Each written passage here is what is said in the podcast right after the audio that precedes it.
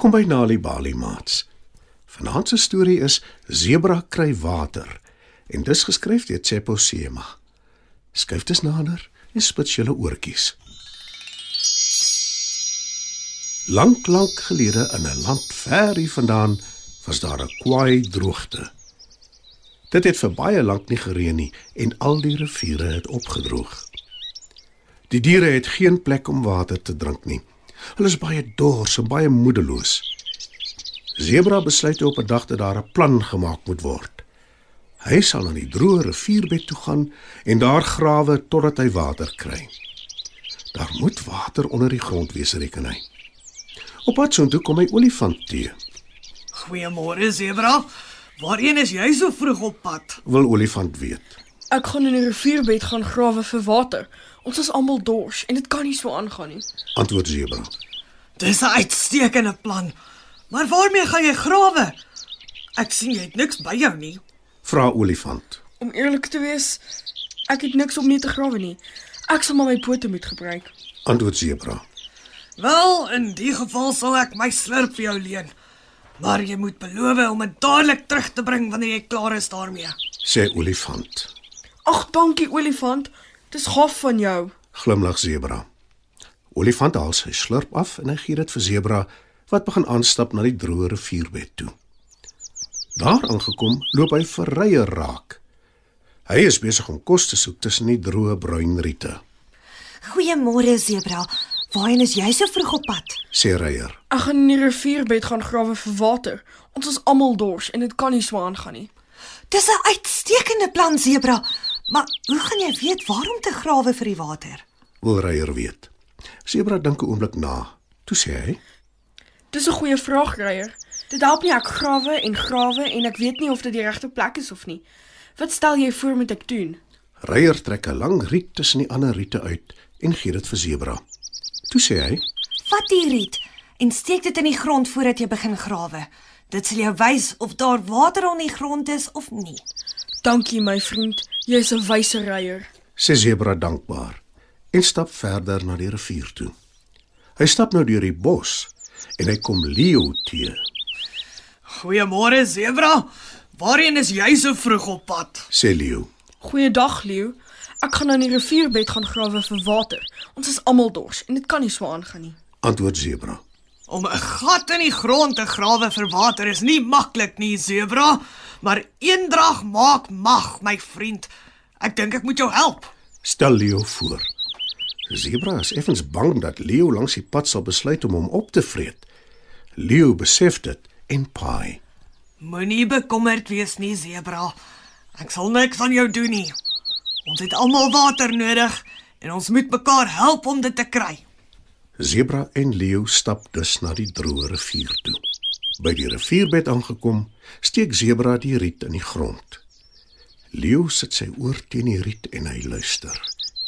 Hy is baie gelukkig toe hy die geluid van water hoor en hy sê: Dis presies hier waar ons moet grawe, Zebra, want daar is beslis water onder die grond hier. Zebra vat olifant se slurp en hy begin grawe. Leo help hom grawe met sy poot. Die twee van hulle grawe en grawe tot laat die middag voordat hulle 'n ruskans vat. 'n Krokodil het die hele tyd daar naby gelê en hulle dop gehou. Hulle was bewus van die gedierte. Toe hulle dus weer verder grawe, roep Leo hom nader en sê: Krokodil, hoekom kom help jy ons nie grawe nie? "Maar krokodil lag lekker en antwoord: Besef julle nie julle mors julle tyd nie.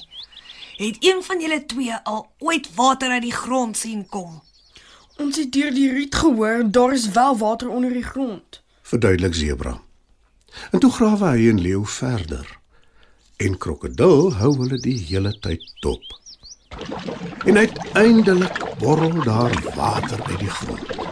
Daar is so baie water dat dit sommer gou-gou 'n poel vorm. Zebra en leeu drink hastig van die water. Toe hardloop hulle om die ander diere te vertel daar is genoeg water vir almal. En teen die tyd dat die nuus versprei het, is dit al donker.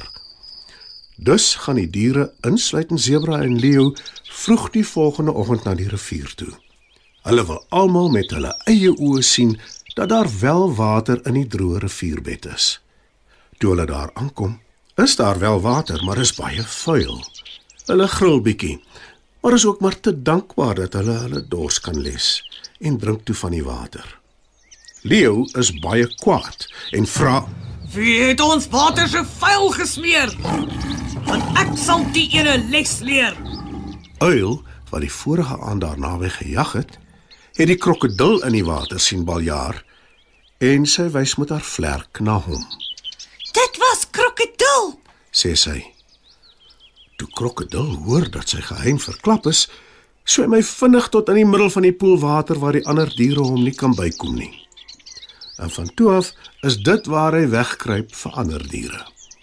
In die modderige water waar hy nie gesien kan word nie. Hy hou diere dop wat kom drink en af en toe gryp hy 'n niks vermoedende prooi wat nie vinnig genoeg kan wegkom nie. En tot vandag toe kon Leo nog nooit vir krokodil vang om hom 'n les te leer nie. Mats, dit was nog 'n aanbieding van Nali Bali storietyd. Die titel van vanaand se storie was Zebra kry water, geskryf deur Tsepo Sema. Het jy geweet dat om tuis vir kinders stories voor te lees en te vertel, hulle kan help om beter te doen op skool? As jy gratis stories wil hê om vir jou kinders voor te lees of stories wat jou kinders self kan lees, besoek die Nali Bali webwerf www.nalibali.org of die Mobi werf www.nalibali.mobi. Daar sal jy stories kry in 11 amptelike tale, asook wenke hoe om stories vir kinders voor te lees en met hulle te deel sodat hulle hulle volle potensiaal kan bereik. Hou ook koerante dop vir die tweetalige Nali Bali lees vir genot bylaag waarin daar wonderlike kinderstories en aktiwiteite is. Nali Bali. Dit begin met 'n storie.